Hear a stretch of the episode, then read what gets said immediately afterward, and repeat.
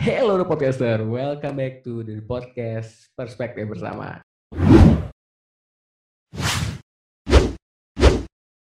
Hari ini kita sudah kehadiran Prean.id. Halo Prean, what's up?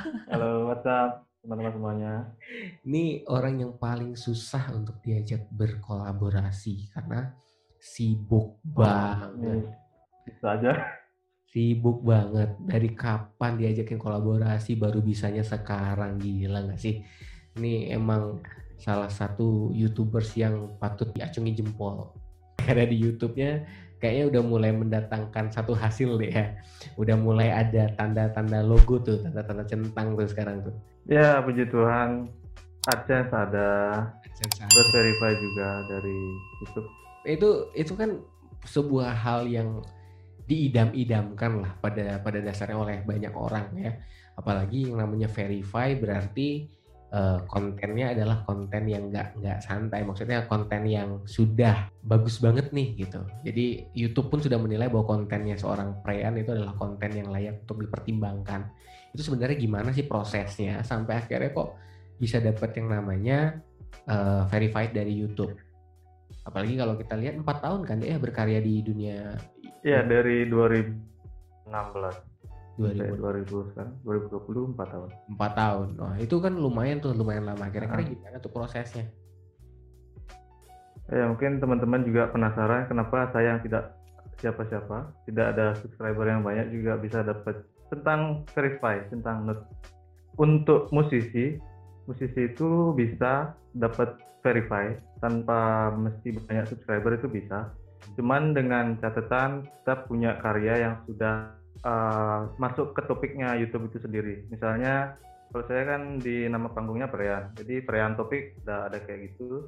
Hmm. Ketika karya kita sudah cukup banyak, kemudian YouTube bikin sendiri tentang kita kayak bikin topik kayak gitu, hmm. itu kita bisa email ke YouTube terus kita mengklaim. Tapi tentunya berdasarkan kriteria YouTube juga sih. Kalau memang kita dianggap layak bisa di verify.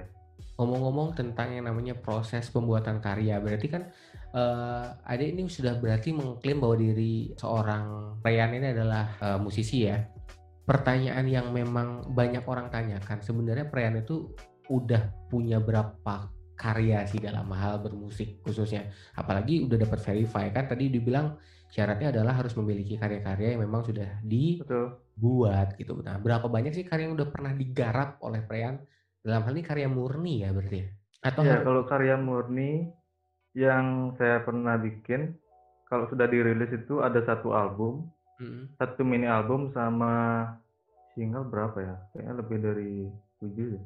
Lebih dari lumayan banyak sih. Uh-huh. Jadi kurang lebih kalau satu album 12, mini album 5 ya biasanya? Ya, mini album ya 5. 7. Wow, udah sekitar 20-an.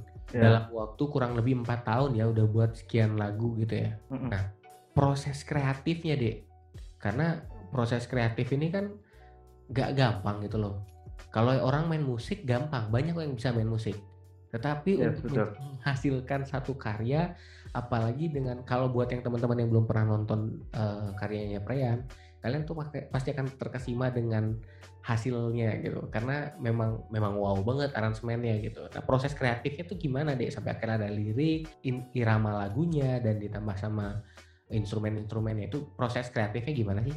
Kalau proses uh, kreatif ini aku balik lagi ke bagaimana aku melahirkan sebuah lagu ya. Jadi lagu itu kadang liriknya yang muncul duluan di pikiran, juga melodinya baru disinkronkan kan maksudnya kalau udah ketemu lirik cari nadanya. Pada dasarnya kalau sebagai musisi semakin banyak mendengar. Kita banyak mendengar kita banyak melihat hmm. apa yang terjadi di sekitar kita. Misalnya saya lagi galau gitu kan lagi patah hati itu pasti gampang kan bikin lirik patah hati kayak gitu. Carikan nadanya. Itu sih kalau kalau menurut aku paling simpelnya kita dengerin lagu yang kita suka hmm. terus kita copy kita rubah-rubah dikit nadanya gitu sih uh, okay. simpelnya simpelnya kayak gitu. Okay tapi seiring berjalannya waktu kan kita menemukan diri kita. Maksudnya kita bisa menemukan diri kita dengan apa yang kita suka. Nah itu kan bisa jadi jadi gambaran kita jadi warna kita. Dari apa yang kita suka itu baru kita rubah-rubah sesuaikan dengan karakter kita kita dapatlah pola lagunya seperti kalau dalam dalam hal ini seperti lagu-lagu saya kayak gitu. Oke okay. itu kan baru dari proses kreatif lirik nih kemudian proses kreatif pembuatan instrumennya. Karena kan kalau kita ngomong musik mungkin kalau orang disuruh menyusun nada atau menyusun lirik bisa aja gitu lah bisa aja. Tetapi kadang-kadang dalam proses khususnya kalau karena masuk ke dalam proses dapur rekaman itu kan ada hal yang mahal ya. Dan tapi hmm. bisa mengemas satu konten atau satu lagu itu dalam dalam berbagai jenis instrumen dan yang memang itu megah banget sih gitu. Untuk sekelas uh, ini kan berarti home home production kan? Kan memang yang home recording ya. Home recording sorry home recording hmm. kan? Banget kan? Dan itu hasilnya udah kayak memang nonton video yang mewah banget gitu audio yang mewah banget. Itu gimana prosesnya? Ya kita mesti mengoptimalkan apa yang ada ya hmm di TP kan bisa lihat kalau main ke rumah aku itu kan aku pakai komputer apa adanya, alat-alat seadanya. Jadi di situ uh, sebenarnya dengan alat terbatas itu kita berusaha untuk mengeksplorasi lagi ide-ide apa yang muncul. Jadi sebagian besar instrumen yang aku bikin itu dari MIDI, hmm. dari MIDI, dari komputer.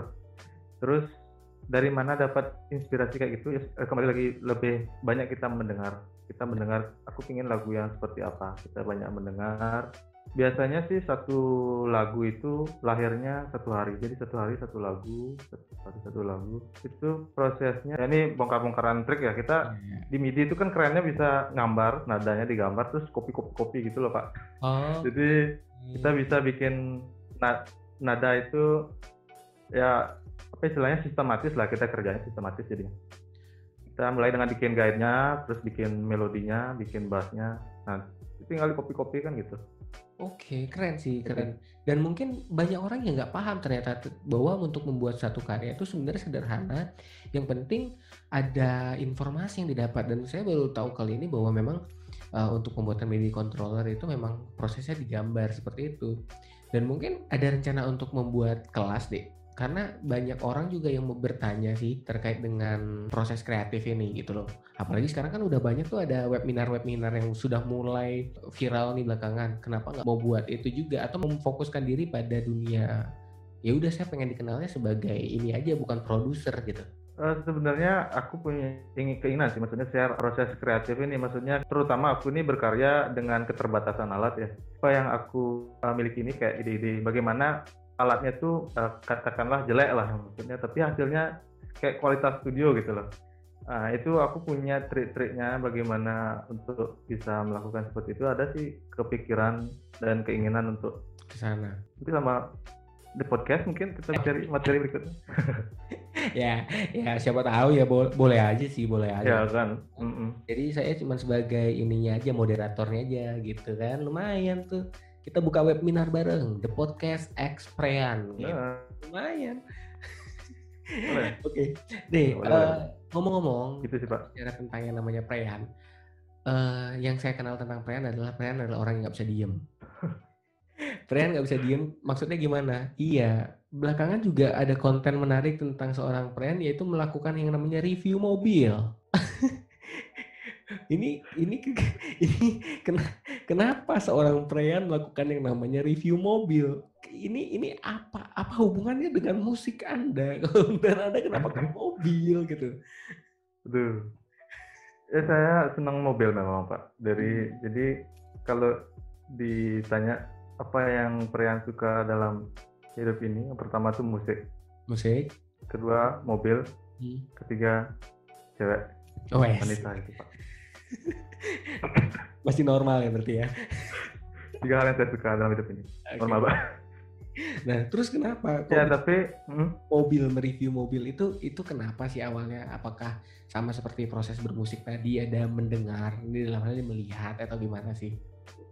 Uh, kalau mobil ya, mobil kan memang karena hobi jatuhnya suka terus. Ya, ya karena seru-seruan aja sih. Seru-seruan. Kalau di di channelku sebelum-sebelumnya, maksudnya dari aku mulai bikin konten itu kan awalnya memang musik. Iya. Yeah. Cuman sempat frustasi karena subscriber nggak naik-naik kan, semua yeah. semua orang oh. mengalami itu. Uh, akhirnya apa yang bikin konten ini apa channel ini agak mendapat perhatian. Ya naik dikit lah. Mulailah aku bikin channel-channel apa channel yang random kayak yang pertama cara cara masak mie, terus uh, review mobil terus uh, cara buka dan tutup gerbang ini bikin konten yang aneh itu juga sempat saya hmm. lakukan cuman setelah sudah mendapatkan ya di verify itu aku jadi arsip video-video itu jadi nggak nggak seru aja sih nggak hmm. nggak linear sama video-video yang lain bukan gitu. bukan jadi bukan. hanya karena hobi aja hmm. terus kemarin juga yang menarik dari seorang pria uh, masih berkaitan dengan mobil itu adalah seorang pria itu hobi buat nah, itu pak itu itu nah maksud saya tadi burnout itu pak ya itu apakah uh, masih punya cita-cita? Karena nanti di pertanyaan salah satu kan, tadi kan uh, sebelum mulai konten ini uh, saya buka buka pertanyaan tuh Q&A di Instagram. Nah nanti tuh ada pertanyaannya tuh soalnya. Jadi apakah memang uh, hobi pengen jadi pembalap yang ter, terbantahkan atau gimana? Ya dari memang kerinduanku dari kecil sih pingin sebenarnya ada keinginan juga sih jadi pembalap rally gitu kan ada ada hobi hobi hobi banget sih mobil hmm. mau suka sekali mobil emang suka ya dasarnya ya oke okay. uh, eh, balik lagi ke musik deh kalau kita ngomong okay. tentang musik musik itu banyak banget mendapatkan perhatian karena memang satu musik itu bisa didengar kemudian musik itu bisa membuat hati seseorang itu jadi terbawa Nah, tapi kalau so menurut seorang Prean, musik yang bisa dikatakan musik yang bagus itu gimana sih sebenarnya menurut Prean? Apalagi banyak orang di luar sana yang juga memang saat ini sedang pengen belajar bermusik. Bahkan kalau kita hmm. lihat juga sekarang banyak orang sudah mulai membuat video-video cover tuh. Walaupun mereka okay. belum membuat karya. Nah, kira-kira musik yang bagus itu yang seperti apa sih? Kalau musik bagus menurut aku itu uh, bagus jelek itu kan relatif ya menurut aku tuh gini. Yang pertama yang harus suka dulu gitu. Hmm, Oke. Okay. Dan ketika musik itu kita sudah suka, hmm. nah kita uh, kita tentu ini musik ini bisa nggak mewakili uh, perasaan atau mewakili moodnya orang. Hmm. Jadi jadi musik itu bisa mau, uh, pertama diri saya sendiri dulu yang suka, kemudian setelah saya review apakah musik ini bisa enggak jadi moodnya atau gimana untuk orang lain itu mendengarnya. Jadi lagunya lagu kita ini lagunya dia juga gitu Hmm. Kalau menurut aku sih sesimpel itu. Yang penting mewakili Nah, iya, uh, kalau gitu. kita berbicara tentang yang namanya musik berarti kan berhubungan dengan nama seni kan.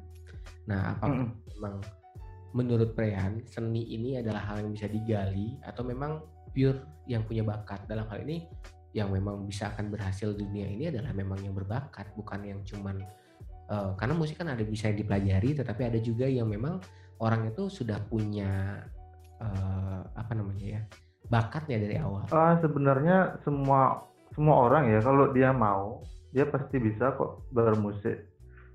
Uh, cuman pengecualian bagi yang udah punya bakat, punya talenta dari kecil ya tidak sulit ya untuk untuk mengembangkan itu. Hmm. Mungkin lebih dapat privilege-nya karena dia sudah punya ketika dia memang ya sudah punya ininya ya, ya dasar. Ya ketika dia udah punya ya dasarnya basicnya, jadi mungkin dia kalau dia yang yang sudah punya talenta itu menggali lebih dalam, dia punya karakter ciri khas tertentu. Gitu. Terus kalau men, kalau saya tanya, menurut Prean, kamu adalah -hmm. orang yang memang punya talenta di bidang itu atau memang kamu adalah orang yang mempelajari tentang musik? Uh, kalau musik, uh, uh, misalnya bikin lagu, Hmm. Menurut aku memang Tuhan kasih kemampuan buat aku untuk itu. Oke. Okay. Tapi kalau misalnya dari segi bernyanyi terus bermain musik itu um, nggak nggak talenta sih maksudnya itu aku latih sih nggak nggak okay. nggak nggak pure. Uh, sebenarnya sarjananya aku kan inginnya dulu sarjana musik ya. Oke. Okay. Sarjana, uh, cuman karena aku nggak bisa baca not balok, terus nah, biayanya juga lumayan tinggi. Menarik ini, seorang musisi tidak baca not balok, ini luar biasa ini. Benar sekali. Ini apa saya nggak bisa pak? tapi kalau uh, apa namanya membaca membaca apa namanya apa sih partitur gitu nggak nggak misalnya kasih kasih instrumen nih mainnya kayak gini gitu Hmm, kayaknya enggak sih. Enggak. enggak bisa. Kalau not balok nggak bisa, tapi kalau not angka bisa. Oh, not angka bisa. Karena itu kan kata orang kata orang kali lagi saya bukan musisi soalnya kata orang itu adalah kunci untuk bisa sukses di dunia musik kata orang tapi banyak juga hmm. orang-orang yang uh, nggak nggak pintar musik tetapi akhirnya uh, bisa apa namanya bisa berkarir di dunia musik. Salah satunya mungkin uh, youtubers uh, youtuber uh, idola saya juga. Namanya Ibrani Pandean. Dia nggak sekolah musik tapi dia ingin band-band keren kan. Isyana Saraswati, hmm. Marom Brand Freddy. Padahal dia nggak sekolah musik. Nah kira-kira kalau adik next step dari seorang Preyan ke depannya akan hmm. seperti apa sih?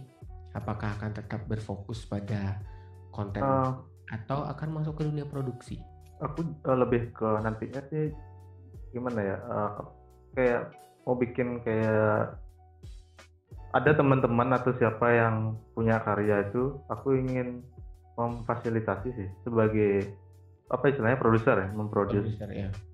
Uh, produser memproduce orang. Jadi nggak nggak ke oke okay, tetap bikin karya tetap bikin konten. Cuman goal sebesarku adalah ini loh teman-teman yang apa istilahnya nggak punya fasilitas aku mau fasilitas gitu Oke. Okay. Apa ya bahasa kerennya bikin label gitu kali ya bahasa kerennya. ya, label independen ya. Uh. teman-teman mempublis uh, hasil karya. Oh itu oke. Okay. Ngomong tentang publis, kan itu sekarang tuh lagi jadi bahan obrolan banget tuh deh tentang publisher. Yang uh -huh. ada orang yang memang nggak ngerti apa sih artinya publisher sama uh, apa sih distribus distribution ya kalau nggak salah yang di mana uh, kalau orang mengcover lagu hmm. atas dasar izin dari pemilik. Nah itu masuknya ke mana tuh? Publisher apa distribution? Uh, distribu distribusi sama publisher tuh bukannya sama ya? Oh, publisher sama. Oh, ya? aku nggak tahu. Ya, sama kayaknya nggak? Belakangan itu uh, memang lagi ada perbincangan, khususnya kalau uh, ngikutin beberapa konten-konten musik. Jadi hmm. uh, sekarang itu lagi di uh, giatkan ya informasi terkait dengan musik nih mungkin teman-teman yang dengerin Brian akan ada, hmm. akan ada uh, apa namanya kewajiban seorang yang akan mengcover lagu untuk meminta izin dari penyanyi aslinya atau minimal dapat izin dari publishernya gitu. Nah ini juga masih jadi pro dan kontra karena untuk masa hmm. sih harus membuat satu konten uh, harus minta izin dulu. Tetapi uh, menurut Brian apakah penting nggak sih minta izin dalam hal cover? Hmm. Apalagi itu di monetize. Uh, gimana ya? Itu kembali lagi kalau ke musisi kan setiap musisi beda-beda ya. Ada hmm. yang suka kalau lagunya itu di cover. Hmm. Ada yang juga eh, nggak uh, suka dalam artian kalau mau cover harus bilang dulu gitu kan, yeah. harus harus izin dulu. Hmm. Tapi kalau dari aku sih aku tipikal musisi yang ya udahlah pakai pakai aja nyanyi nyanyi aja monetize monetize aja gitu lah. Apa uh, nggak nggak nggak mengekang karena ketika kita kalau menurut aku ya ketika kita sudah mempublish karya kita berarti kan sudah jadi apa ya milik publik lah jadinya gitu loh. Walaupun selama dia untuk komersial uh, kalau menurut aku nggak masalah selama dia nggak mengganti apa apa apa dari lagu itu maksudnya lagu itu utuh misalnya karya perayaan tapi dia nyanyikan dia monetas terserah berkat berkatnya dia nggak apa-apa oke okay. tapi okay. jangan sampai meng mengubah asli original dari karya itu oke okay. aransemen masih boleh ya aransemen masih boleh ya lirik dan sebagainya jangan diganti tetapi katanya atau melodinya jadi hmm. aransemen masih boleh oke okay. gitu deh Nah, itu karena itu memang lagi lagi jadi bahan perdebatan deh, uh, khususnya di dunia. Kalau aku, tapi kan tiap musisi beda. Iya. Nah, tapi uh, ini adalah hal yang menarik karena uh, terkait dengan yang namanya publisher, apalagi nanti kan nanti akan menjadi yang namanya produce, produser ya niatan ke belakang ya. Otomatis hmm. akan banyak musisi-musisi yang akan digarap proyeknya sama seorang Preyan. Nah, yeah. uh, ya kita berharap sukses terus bahkan banyak uh, karya-karya yang luar biasa yang dihasilkan oleh timnya atau udah punya nama ini nama nama produksi?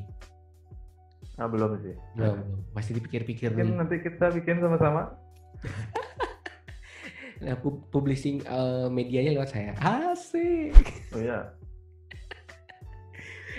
Oke deh. Nah uh, dek ini ya uh, cuman mau membahas tentang Q&A yang kita sudah open tadi. Jadi okay. Oh, ada yang uh, nanya ya? Ya, syukurnya ada yang nanya. Keren sih. Oh, dari kerja tuh. Musisi yang, musisi yang sudah verify dan punya karya banyak itu memang sudah punya pendengar yang banyak. Jadi ini ada satu pertanyaan dari uh, David Kurniawan ya. Dia nanya, kenapa sih Kak Prean pengen jadi pembalap dan ingin beli S15?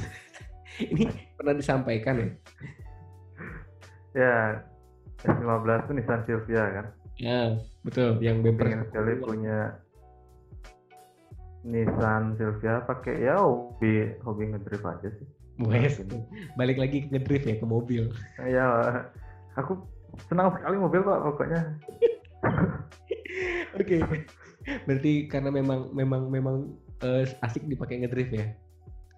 Ya. Ya, oke. Okay. Terus nih ada satu lagi nih. Uh, ada yang bilang dari Ray tadi dia bilang, pengen banget collab sama maestro yang satu ini. Pertanyaannya, dapat inspirasi dari mana sih um, untuk semua karya-karyanya? Dari perjalanan hidup atau dari mana? Tadi udah sempat dijawab juga ya dari mm -hmm. ini ya. Jadi dari dari mana-mana sih dari inspirasi baca buku, perjalanan hidup juga, hmm. uh, juga dari kalau dari perspektif aku sendiri, Hmm. Aku sangat meyakini setiap karya yang lahir dari aku itu hmm. datangnya dari Tuhan. Oke. Okay. Jadi lagu-lagu yang aku buat tentunya itu apalagi yang berbau rohani ya. Uh. Itu aku sangat apa namanya? Eh, meyakini itu Tuhan titipin buat aku. Jadi itu lagu bukan punya aku tapi punya Tuhan gitu. Jadi ya segala sesuatunya itu punya Tuhan. Hmm. Bahkan yang pernah uh, paling unik itu aku bikin lagu mm-hmm. itu di mimpi. Maksudnya dapat inspirasinya di mimpi. Oke. Okay. Begitu bangun masih ingat nadanya kayak gimana, kata-katanya kayak gimana. Jadi belum mandi, belum gosok gigi, belum ngapa-ngapain langsung ke studio, langsung take, eh, langsung ngajar dan jadi lagu itu. Lagu itu salah satunya ada di album yang Kasihmu, album Kasih. Hmm pada dan lagu kasihmu yang di album kasihmu yang lagunya judulnya kasihmu itu uh, itu lagunya aku bikinnya kayak didikte hmm.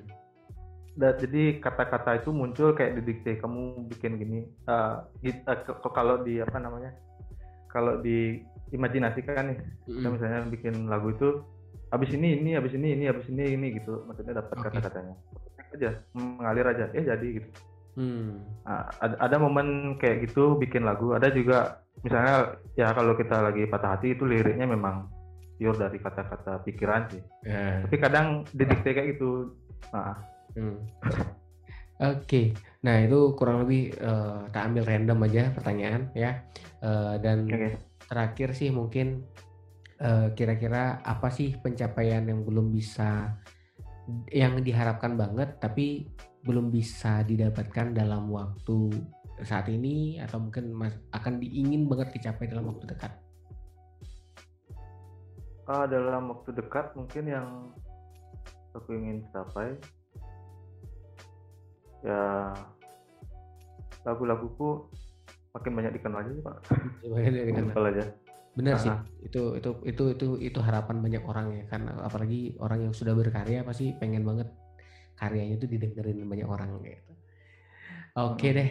Uh, thank you banget nih buat Prean yang hari ini sudah boleh sama-sama ngobrol-ngobrol khususnya terkait dengan yang namanya proses pembuatan karya ya. Apalagi kita tahu Prean adalah orang yang memang aktif banget, jujur aktif banget ya apalagi prosesnya dimulai dengan alat yang nggak bisa dikatakan bener-bener sangat sederhana tapi hasilnya itu wah udah kayak rekaman di Broadway gitu ya. Udah mewah banget lah hasilnya untuk Ryan. Dan sukses terus buat karir-karir ke depannya program-program ke depannya ditunggu tuh buat teman-teman yang mungkin pengen webinar sama Sprayan siapa tahu ada kesempatan untuk buat kelas ya. Karena sekarang udah mulai ya. banyak tuh ada kelas-kelas dibuka siapa tahu jadi sebuah kesempatan baru untuk mengajarkan uh, orang bagaimana sih teknik kemudian cara prosesnya sehingga harapannya Prean yang saat ini sudah verify musik ntar verify teacher juga gitu jadi ya sekalian Iya. Oke deh, uh, ada pesan gak sih untuk teman-teman yang dengerin Prean selama ini? Terus uh, ya mungkin ada yang ingin disampaikan nggak buat buat teman-teman yang selalu support sama Prean? Ya kalau dari aku pribadi sih terima kasih banyak buat uh, di podcast yang sudah mengizinkan saya masuk dalam kontennya. Dan buat teman-teman yang belum subscribe silahkan subscribe di podcast yes. ini channel terbaik. Terus untuk teman-teman yang sudah support saya dari 0 subscriber sampai sekarang 4000 saya berterima kasih. Meskipun angkanya kecil tapi kalian itu semuanya manusia jadi saya harus apresiasi. harus uh, aspre, uh, apresiasi dan ya semoga karya-karya yang kita bikin ini bisa jadi berkat. Nah. itu sih simpel aja Thank you, luar biasa memang seorang Prian. Dan uh, sukses terus buat karir ke depannya deh. Uh, apa pun yang sudah dilakukan, apa pun yang sudah di mapping dalam kehidupannya dan program-programnya sukses.